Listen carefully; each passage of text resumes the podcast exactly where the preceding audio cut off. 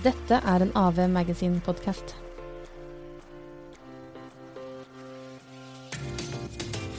Veldig ofte så har jeg opplevelsen at jeg snakker om meg selv, da. Eh, som kvinne så har jeg hatt en veldig sånn liten sånn risikovilje. Eh, og kunne på en måte gått med på ganske mye og strukket meg langt. Og det har jeg også gjort tidlig i, i fasen, også når jeg starta. Eh, for å ikke miste den ene kunden. Så gå med på en mye lavere pris. Gå med på veldig mye mer arbeidsmengde fordi? Ja, tenk på alle regninger jeg selv har. og liksom I dag har vi besøk av Donna Kastrati. Donna er seriegründer og mentor. Hun brenner for at flere kvinner skal komme seg ut i lederstillinger og satse på gründerskap. Hun er mentor for flere kvinnelige ledere og gründerspirer gjennom selskapet hennes hun etablerer.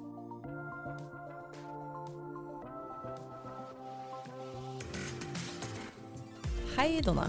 Hallo. Så hyggelig at du har lyst til å være med her i dag. Det setter, her.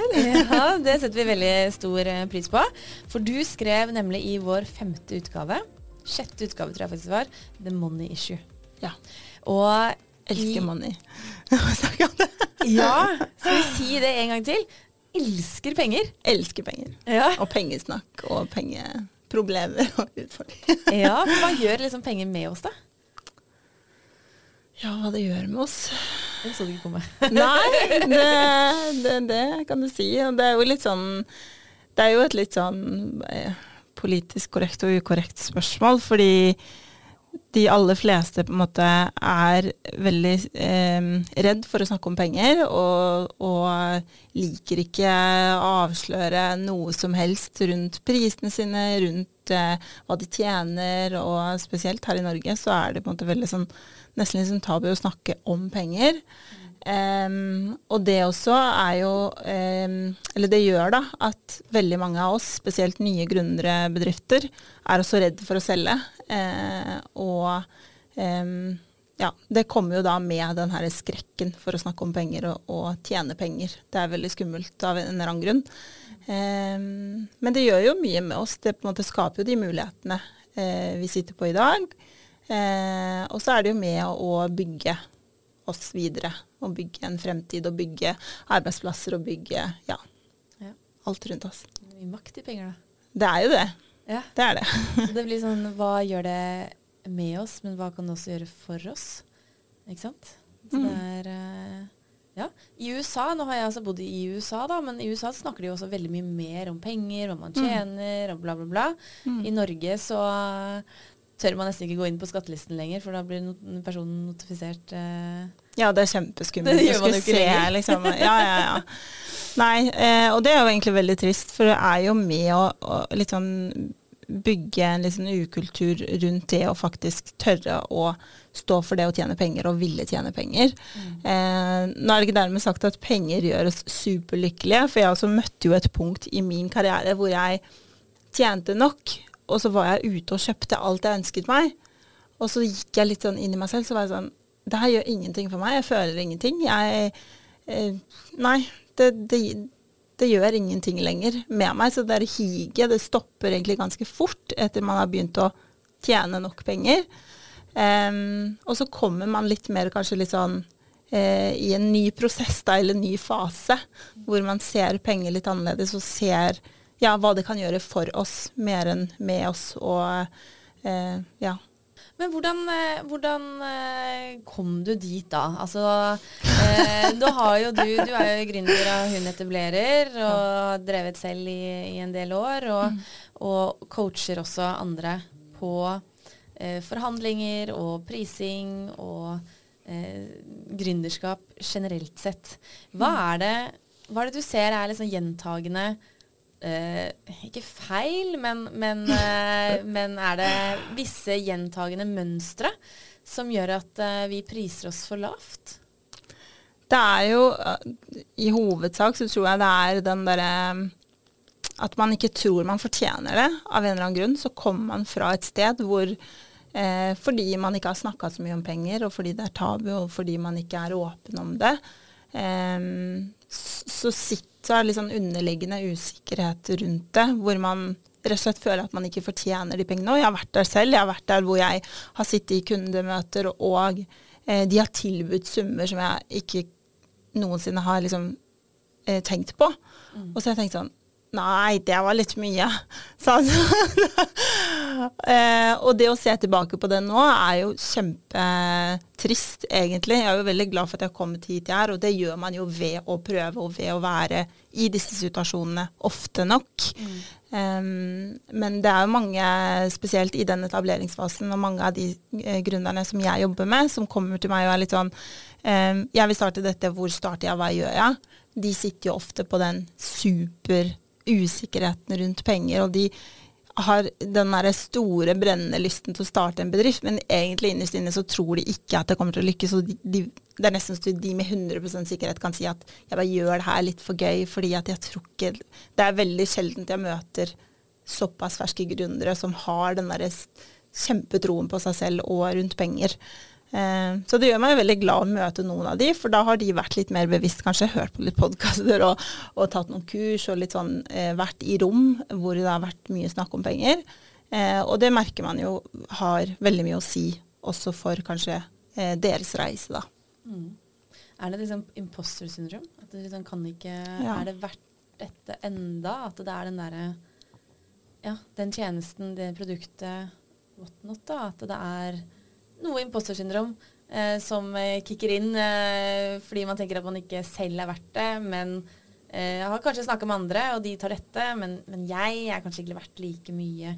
Så hvordan kan man øve seg selv på å, ja, å komme opp i pris, da? Statistikk. ja. ja um, både det, men også det å snakke med folk om penger eh, om dere spiser. Jeg husker spesielt i en periode i korona når eh, Clubhouse kom. Jeg vet ikke om du husker det? Jo, jo, jo. eh, og så hadde vi noen sånne eh, rom som vi hosta hvor det var prising var tema. Og jeg, synes, jeg husker jeg syntes det var så befriende å faktisk få lov til å snakke om penger og få lov til å si prisen man tar på ting. Eh, og i lang tid så hadde jeg jo også hatt, eh, hatt priser som jeg trodde var greit, men Åpenbart ikke, for når jeg satt da i disse rommene, og folk sa hva de tok for en halvtime og 45 minutter, eh, så var jeg litt sånn Ja. Ikke sant. Så er jeg liksom på, egentlig på en veldig sånn lav eh, skala, uten at jeg helt skjønte det selv. Um, så jeg tror nøkkelen virkelig er å bare pushe seg frem til å snakke om priser og få hør hva andre har av pris, i hvert fall de som er komfortable med å snakke om det. Mine priser ligger jo ute på alle mine nettsider, så jeg har ikke noe problem med å vise det. Og jeg håper også at andre på en måte Jeg ser, jeg har også sett noen ganger at altså, andre har lagt seg på akkurat samme, og det syns jeg er en så bra ting. For det var akkurat det jeg gjorde i Clubhouse, når eh, hun ene da eh, inne på det rommet sa at jeg tar 1800 for 45 minutter. Eh, i, altså i timen, Det var timen hennes. Så, så, så, så, gikk jeg bare rett inn på PC-en. Så sa jeg bare jeg tar 1800 kroner. og det er en sånn Man, man må liksom få, få lov av en eller annen Ja, kan ikke forklares. Det er kanskje litt sånn imposter. ja, så, øh, og det handler jo også da om rollemodeller. ikke sant? Og det å se at noen mm. andre har gjort det, gir en aksept for at det er greit for meg mm. å ta det samme, eller prøve å tenke ok, hvilken type kompetanse har jeg, sammenlignet med det, hvor, og, hvor, og, bygge seg opp derifra. da. Mm. Når det kommer til eh, kanskje store kontrakter da, som går over lengre tid, det er ikke bare timespris. Mm. Eh, det er kanskje noe som går over seks måneder. Eh, prosjekt da, mm. i bedriften din, eller eh, hvordan eh, Hvordan forhandler du frem det? Det har vi snakka litt om tidligere òg, da. Ja, og jeg tror du også har vært i et rom Kald blod. um, jeg tror det handler litt om å bli ordentlig godt kjent med den andre parten og se altså, deres interesser, og din, også opp mot dine interesser. Og finne For de beste forhandlingene er jo der begge vinner. Du har ikke lyst til å måte, gå inn i, et, i, en forhandling og gå derfra og tenke at nå fikk jeg det beste jeg kunne fått, og så vet du kanskje inni sinnet at de, det her varer ikke lenger, eller de var ikke like fornøyd, eller noe sånt. fordi da, det er ikke holdbart i lengden. Um, men uh, ja, rett og slett spille, eller ikke spille på, men være litt åpen. Eh, og være litt sånn nysgjerrig rundt hele prosjektet. Eh, hva det handler om, hva du kan levere, hvordan kan du holde det her gående lenge nok. Um, det tror jeg på en måte er ofte med, og litt sånn avgjørende faktor, i hvert fall i mine forhandlinger, som gjør at jeg får det jeg har lyst uh, på, fordi at jeg vet at jeg kan også tilby det de trenger og har lyst på tilbake. Eh, og da er det viktig å videre, altså, formidle det i et sånn type møte. Det kan være veldig skummelt og, og skremmende å sitte der, og veldig ubehagelig også. Eh, men så må man lære seg å like den ubehagelige stillheten, og den elsker jeg. Ja. Så eh, det er stirrekonkurranse og stillhetskonkurranse med meg. Den taper du. så eh, ja. Det, det, er kanskje det, det aller beste tipset. Om å bare virkelig tenke på menneskene i det prosjektet. Jeg, for jeg ser og tror at veldig mange kan henge seg opp i tall eh, når det kommer til en forhandling, og tenke på en måte at eh, å få den høyeste summen og beløpet er det aller viktigste, og det er det ikke. Eh, for du kan jo, også litt sånn som jeg skrev i den artikkelen, hvis du forhandler ned på din arbeidsmengde, men får en lavere pris enn det du eh, håpet på, så har du allikevel vunnet, fordi at du er bundet til mye mindre enn eh, utgangspunktet kanskje var. Um, ja, så, så, det er litt sånne ting å, å virkelig sette seg litt inn i, og en forhandling tar gjerne mange uker. Kan være ganske krevende, kan bli mye sånn følelse frem og tilbake. Mm. Og, det beste, og, jo lengre tid det tar, jo, jo, mer vinner du, fordi at da kommer du på en måte til et punkt hvor du er litt sånn likegyldig eh, på en måte. Eh, og hvis da motparten merker det, og da du 100% mener det, at du kunne gått fra det bordet, eh, og det hadde vært greit, Eh, så har du et veldig godt utgangspunkt for å sitte i en forhandling, da. Mm. Litt mer care. Care. Litt mer eh, sånn på en måte at det, ja, det går greit uansett? Ikke care, men eh, gjerne holde seg litt sånn rolig. Eh, og tenke at det er, ikke, det er, faktisk ikke verdens undergang om ikke den avtalen går i boks. Eh, du skal ivareta dine egne interesser ja, for det er jo den frykten, da. Å ja. ikke få den avtalen i boks fordi du er gründer og er avhengig av den inntekten. Du skal ha lønn, kontor eh, og sånne ting. Mm. At det er jo den der risikoen da, for at det faller igjennom. Ja, men vi trenger det av og til. Vi trenger å liksom få den i, i fleisen. Fordi eh, veldig ofte så er opplevelsen at jeg snakker om meg selv, da. Eh, som kvinne så har jeg hatt en veldig sånn liten sånn risikovilje. Eh, og kunne på en måte gått med på ganske mye og strukket meg langt. Og det har jeg også gjort tidlig i, i fasen, også når jeg starta.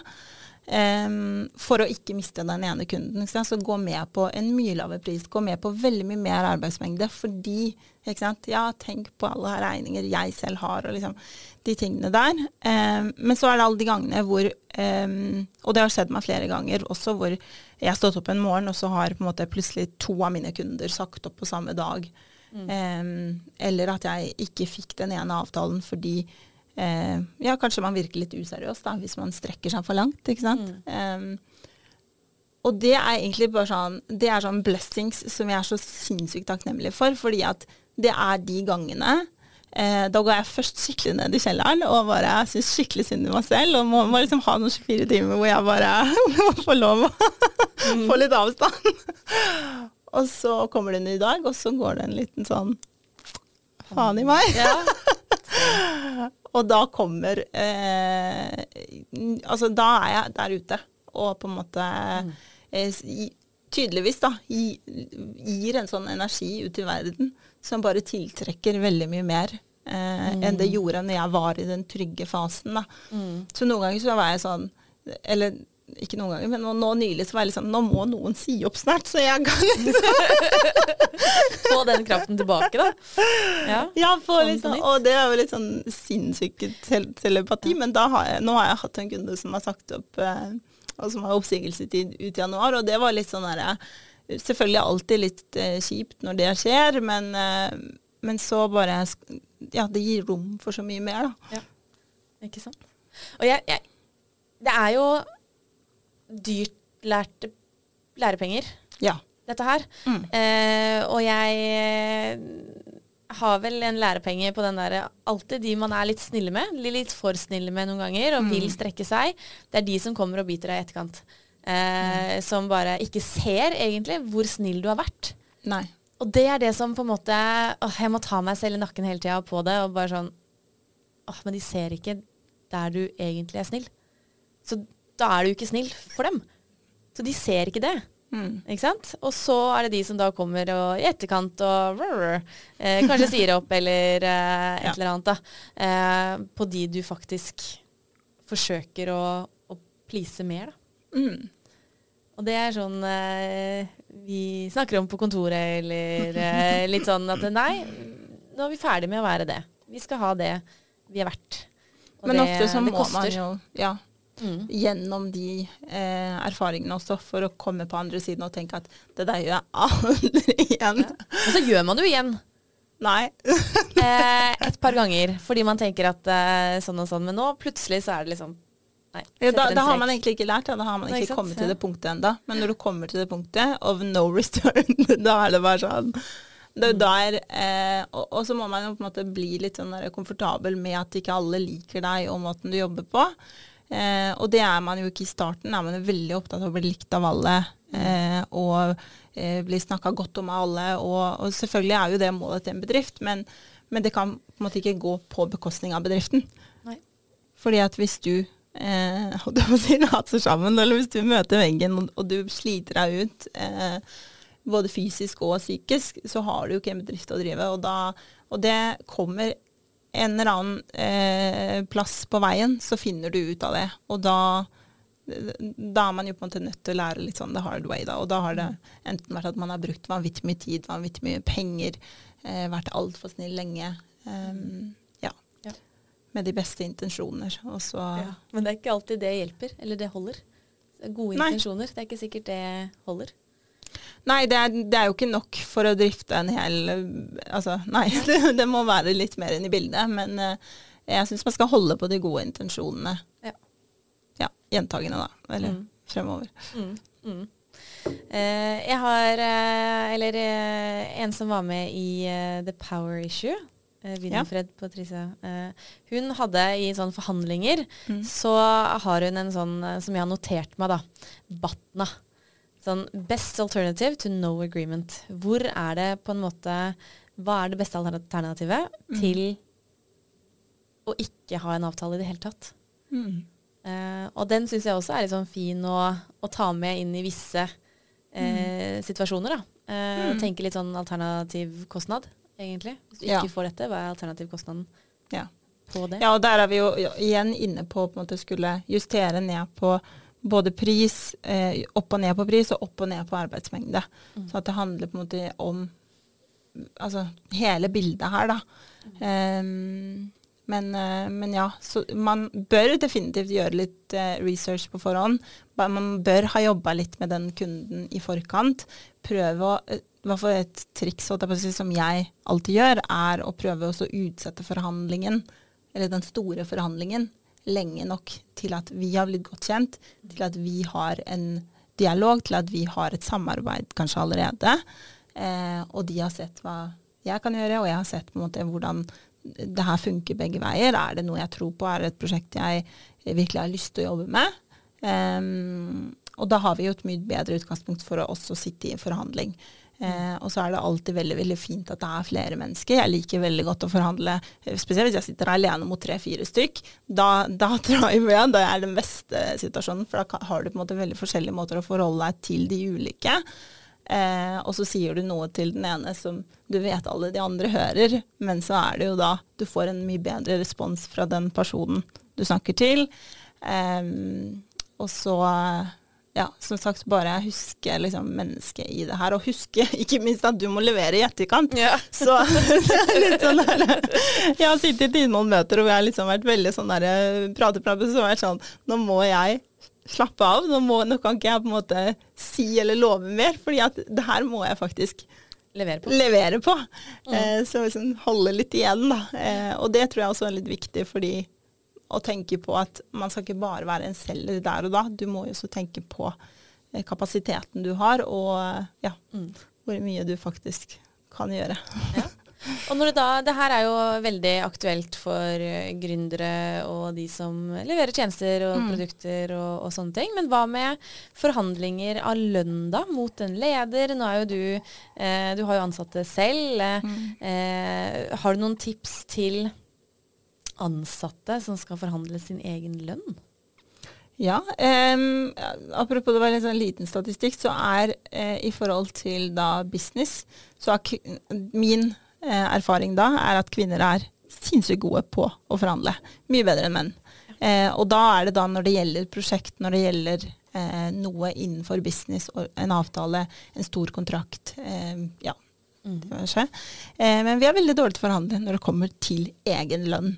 Eh, så vi kan jo, hvis jeg hadde vært ansatt en sted, så kan, så kan jeg bli sendt ut på en forhandling mot en stor kunde, og hadde sikkert gjort en knallgod jobb og vært superhard og veldig god på den forhandlingen. Og så hadde jeg kommet eh, tilbake til arbeidsplassen min og skal be om bedre lønn. Hadde ikke gjort det. Eller hadde ikke turt. Nei. Eh, Hva tror du Hvorfor det?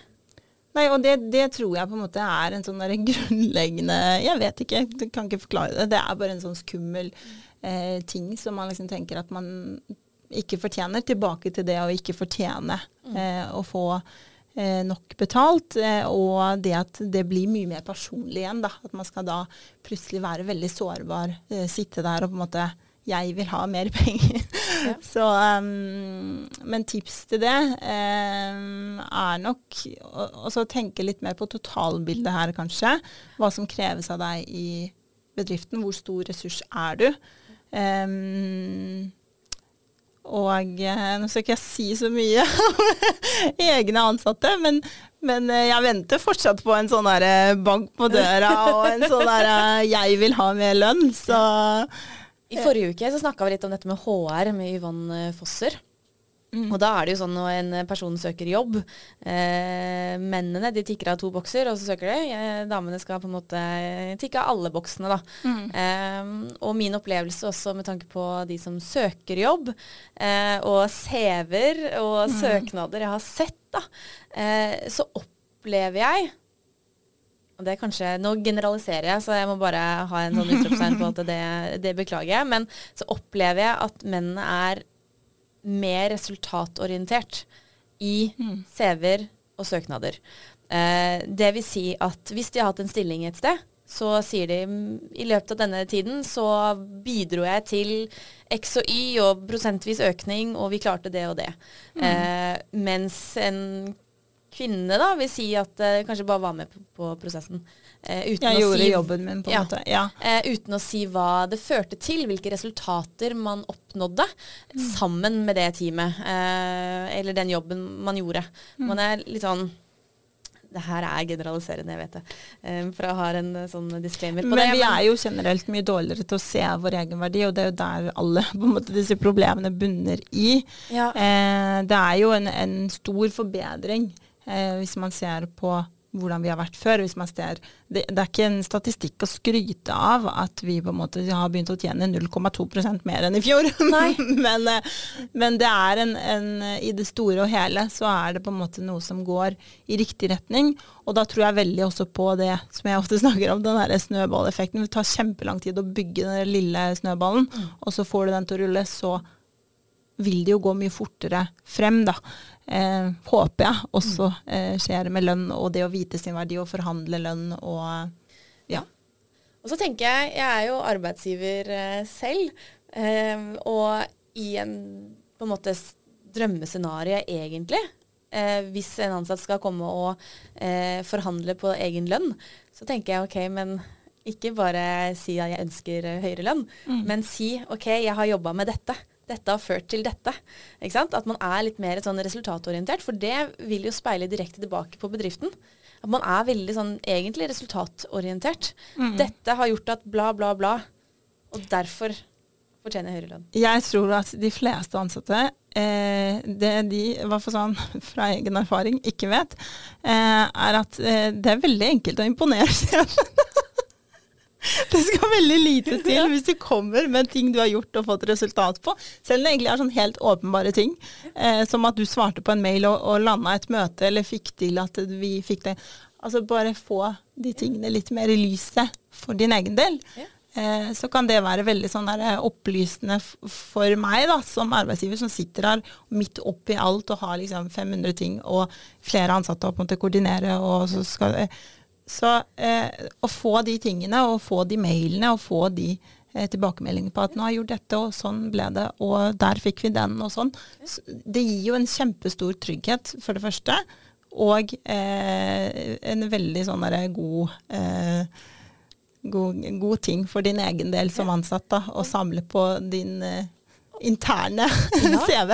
Å være litt resultatorientert. Da. Ha også bare Ok, ikke tenk bare egen lønn, men tenk total, totaliteten da, av alt. Hva fører dette til for alle? Ha litt mer sånn ja, Ha et total, eh, totalbilde, oversiktsbilde av eh, hva fikk bedriften i dekningsbidrag på dette, eh, f.eks., som du har medført. Ha liksom interesse i å ville vite mer om bedriftens tall. Da. Hvordan ligger vi an den måneden her? Hva kan jeg gjøre? Og være med på å skape resultat. Det er så lett å kanskje bare ta imot oppgaver og Ikke sant? Men, men, eh, og så bruker du det i forhandlinger. Ja. Det er et drømmescenario, egentlig. Ja, ja, 100 Og jeg tenker at eh, alle har jo en ulik rolle eh, som ansatt også. Eh, kanskje ikke alle har tilgang på tallene, men, men eh, Man kan være nysgjerrig, ikke sant. litt nysgjerrig, og ikke minst eh, på en måte tenke på sin egen rolle oppi det her, og hvilken ressurs man er i bedriften, og hva man bidrar til i forhold til arbeidsmiljø, i forhold til eh, trivsel, i forhold til salg, forhold, altså hva det måtte være, og tenke sånn litt på, eh, på alle de tingene, fordi de er viktige. Eh, og sånn som vi har snakket om eh, tidligere også, så eh, de aller fleste i dag er jo relativt nye arbeidsgivere. Jeg har jo vært daglig leder flere steder før jeg starta mitt eget firma, men det er ikke på nært hold det samme ansvaret som du har overfor egen an, egne ansatte. da. Eh, så det å vite på en måte altså Jeg blir superimponert hver eneste dag over ting som blir gjort, og hvordan det gjennomføres. Og, eh, og det å liksom noen ganger tenke på at jeg var så redd for å slippe kontroll, og at jeg var så redd for å på en måte gi fra meg ting. Ja. Eh, og så kommer det noen og bare stiller meg kritiske spørsmål til mitt eget arbeid og sier at jeg må gjøre sånn og sånn. Jeg, altså, jeg blir helt sånn der, Det er det beste. det er så fantastisk. Og jeg bare sånn Kan du bli hos meg for alltid? Fortsette akkurat sånn. Så det er jo typiske eksempler på at man kan ja, bare eh, kanskje starte hele den der lønnsforhandlingsprosessen med å bare bevisstgjøre sjefen din på alt det gode arbeidet du gjør, og være litt sånn eh, nysgjerrig og ta litt ansvar. Og ja, vi ser jo. Eh, vi ser jo alt. Eh, og som sagt, veldig lett å imponere. Ja, Gjøre dem bevisst, da. For det er jo all, altså, tida flyr jo, og det er mange ting man skal ta tak i, og, og sånne ting. da. Og så påminne sjefen, da. Ja. Ikke sant? På hva du faktisk har gjort og fått til. da, Hvilke resultater som har blitt, uh, blitt skapt. Det tror jeg er den beste måten å forhandle på. Å faktisk bare være ærlig og bevisst Mm.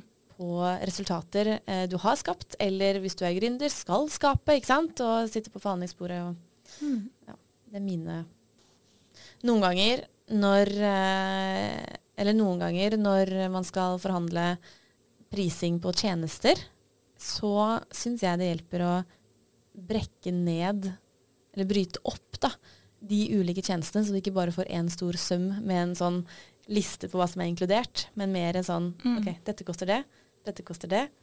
Ikke sant? Eh, for da får kanskje kunden også større forståelse av hva ting faktisk krever av ressurser og tid og eh, litt sånne ting òg, da. Ja, eh, definitivt. Og det er veldig, veldig, et veldig godt eksempel eh, på hvordan man kan på en måte sette opp en type pakke til en kunde. Em, de aller fleste holdt jeg på å si, kunder som jeg jobber med, har pakker. De har ikke bare én enkelttjeneste. Um, og da hjelper det absolutt veldig mye å dele det opp. Og, og, så handler det litt egentlig om å um, speile kanskje den personen du forhandler med. Hvis de er veldig opptatt av eh, tall, vis dem tall. Hvis de er mer følelsesmennesker og på en måte trenger visjonærer som da trenger å se eh, hva det her kan føre til, hvordan eh, altså forløpet i det her, så vis dem det. Og, og, det er jo tilbake til den der med å bli litt mer kjent da, med kunden eh, før du går inn i den forhandlinga. Så ofte da, hvis du får en forespørsel, så eh, da, eh, tidligere så ville kanskje min automatiske reaksjon vært å prøve å lande noe med en gang. Eh, mens nå kan jeg godt være litt sånn Vi setter opp et møte her, vi snakker om dette. Så sender jeg noen forslag, og så setter vi opp et nytt møte, og så sender jeg et nytt tilbud. Så setter jeg skru, altså, eh, skreddersyr en pakke eller lignende, sender priser på de ulike tjenestene, skriver hvor mye de kan spare og så, altså, eh, gir dem rom for å stille spørsmål, for å forhandle videre på det. Og dette er på en måte hele veien da, før vi kommer til det møtet i det hele tatt. Mm. Um, og så blir vi enige om noe. Vi kan godt bli enige om en testperiode. Vi kan godt bli enige om um, at de kan få noe for å, for å, se hvordan det funker, for å teste kvaliteten, teste resultat. Det spørs jo helt hva målet her er. Um, og så på en måte har man gjort det, og så gjerne da i det mellom to til fire uker eller mer, eh, så kan du gå inn i en forhandling hvor alle sitter med mye mer eh, kjøtt på beina og liksom vet hva, eh, hva, de kan få. Du vet hva du klarer å levere. Kanskje du også underveis finner ut at Oi, dette var ikke helt eh, kanskje det jeg har lyst til å jobbe med. Det betyr kanskje at jeg må sette en mye høyere pris hvis jeg skal gjøre det her. Eh, og der også kommer du til det der punktet med eh, hvor, hvor, hva er minimum for, for, at jeg gjør det her.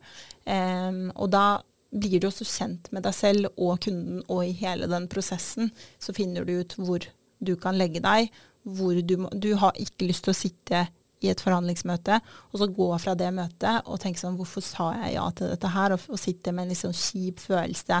Mm. Eller motsatt. At de har sagt ja til en altfor høy pris, og så sitter de med en følelse at kanskje ikke det var helt riktig. Mm. Eh, og det kan du jo merke fort. Så det er veldig viktig å tenke på de relasjonene og de, den dialogen og den menneskelige ja, kontakten eh, i det. Men, eh, men absolutt gi det litt tid.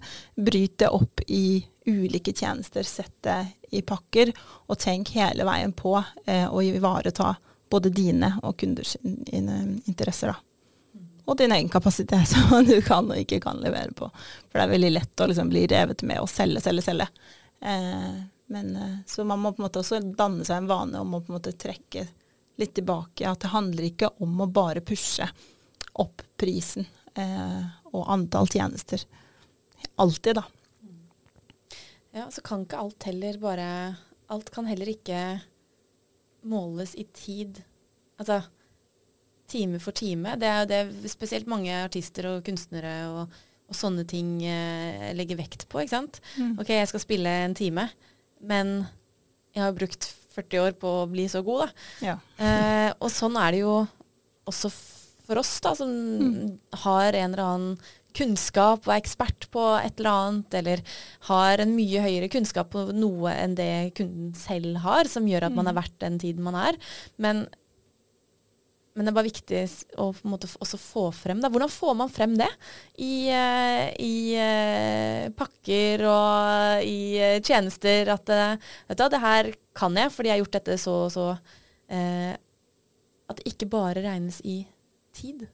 Ja, Um, nå har jeg sikkert vært litt sånn, og vi har snakket mye om det, at vi har sånn 90% ubrukt potensial i selskapet mitt, for vi har aldri solgt tjenestene våre. Vi har alltid fått kunder gjennom kunder. Mm. Uh, så de kommer på en måte allerede, inn med en sånn oppfatning av at uh, du kan noe, og de har lyst på et tilbud. Mm. Men jeg tenker at hvis du driver da med oppsøkende salg, eh, som jeg håper vi skal begynne litt med ut i 2023, eh, så er det jo selvfølgelig viktig da med gode nettsider som viser kompetansen din.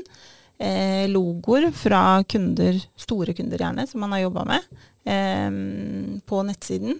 Det er også på en måte med å bygge eh, troverdigheten din og en autoritet som gjør at du kan ta godt betalt.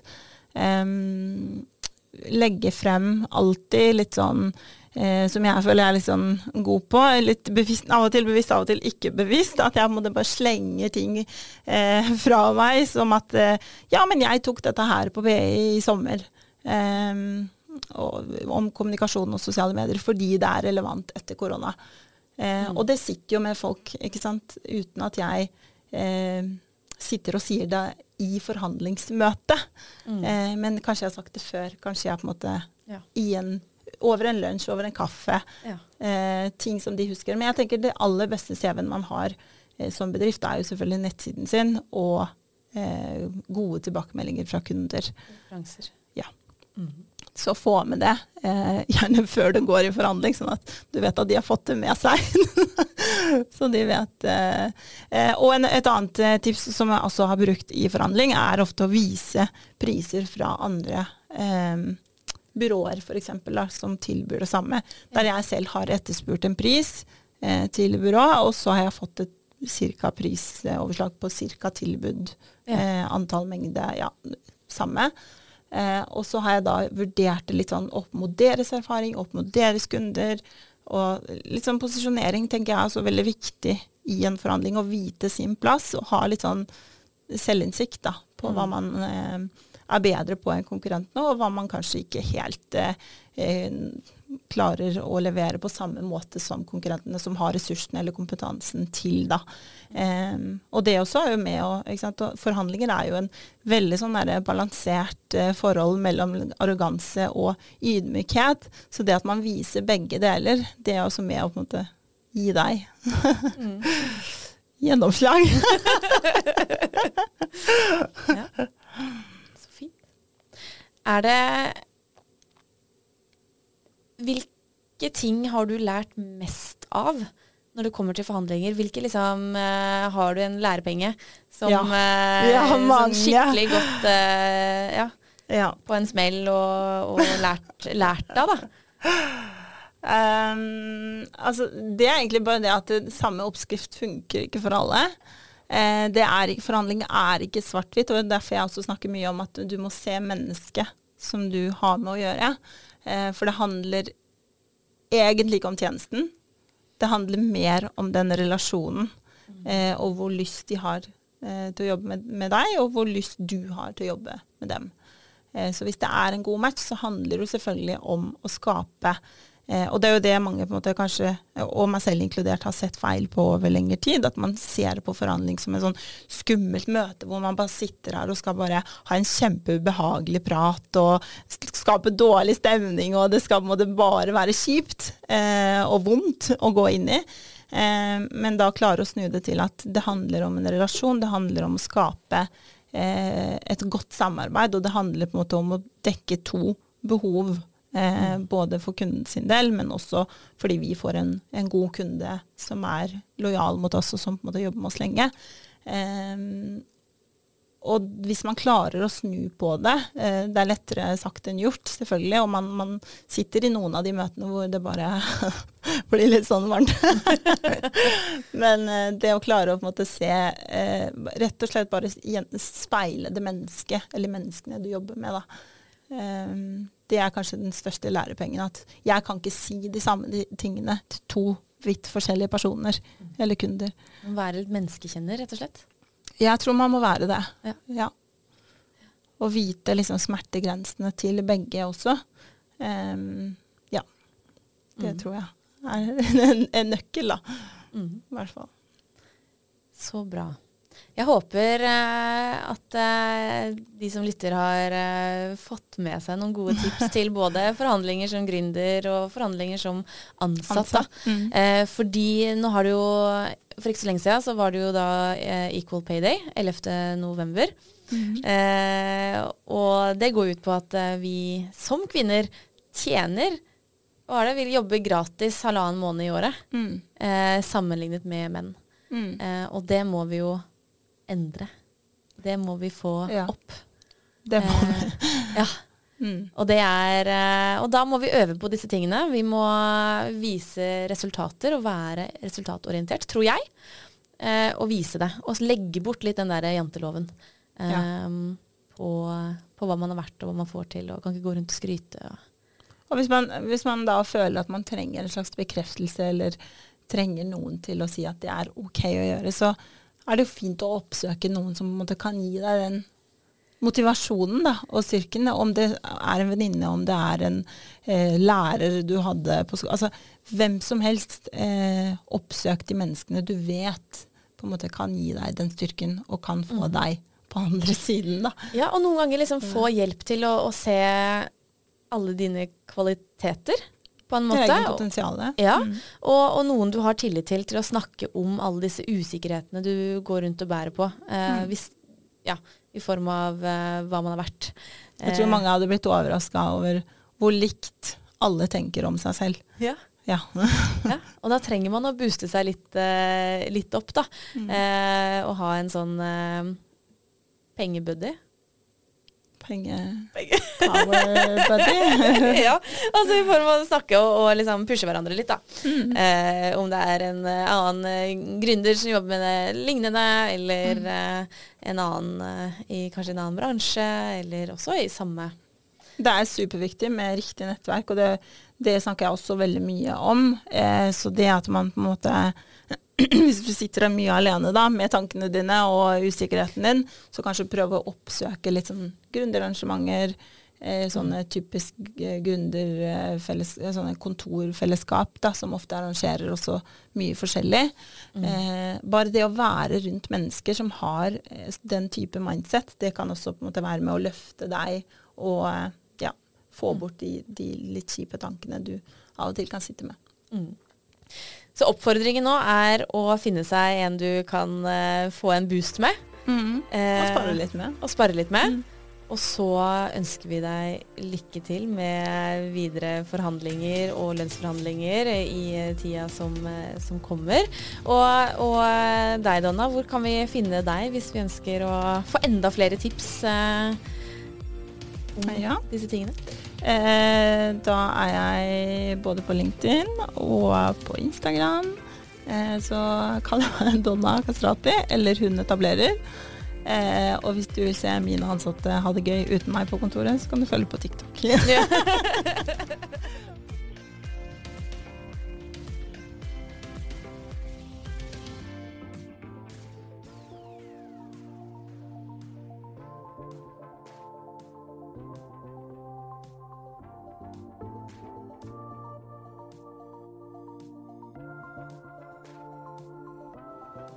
Vil du lære mer om dette temaet, eller lese om flere gode rollemodeller? Gå til avmagasin.no. Den 8. desember 2022 lanserer vi også AV Magazine på nett. Følg med. Likte du denne episoden, legg gjerne igjen en tilbakemelding.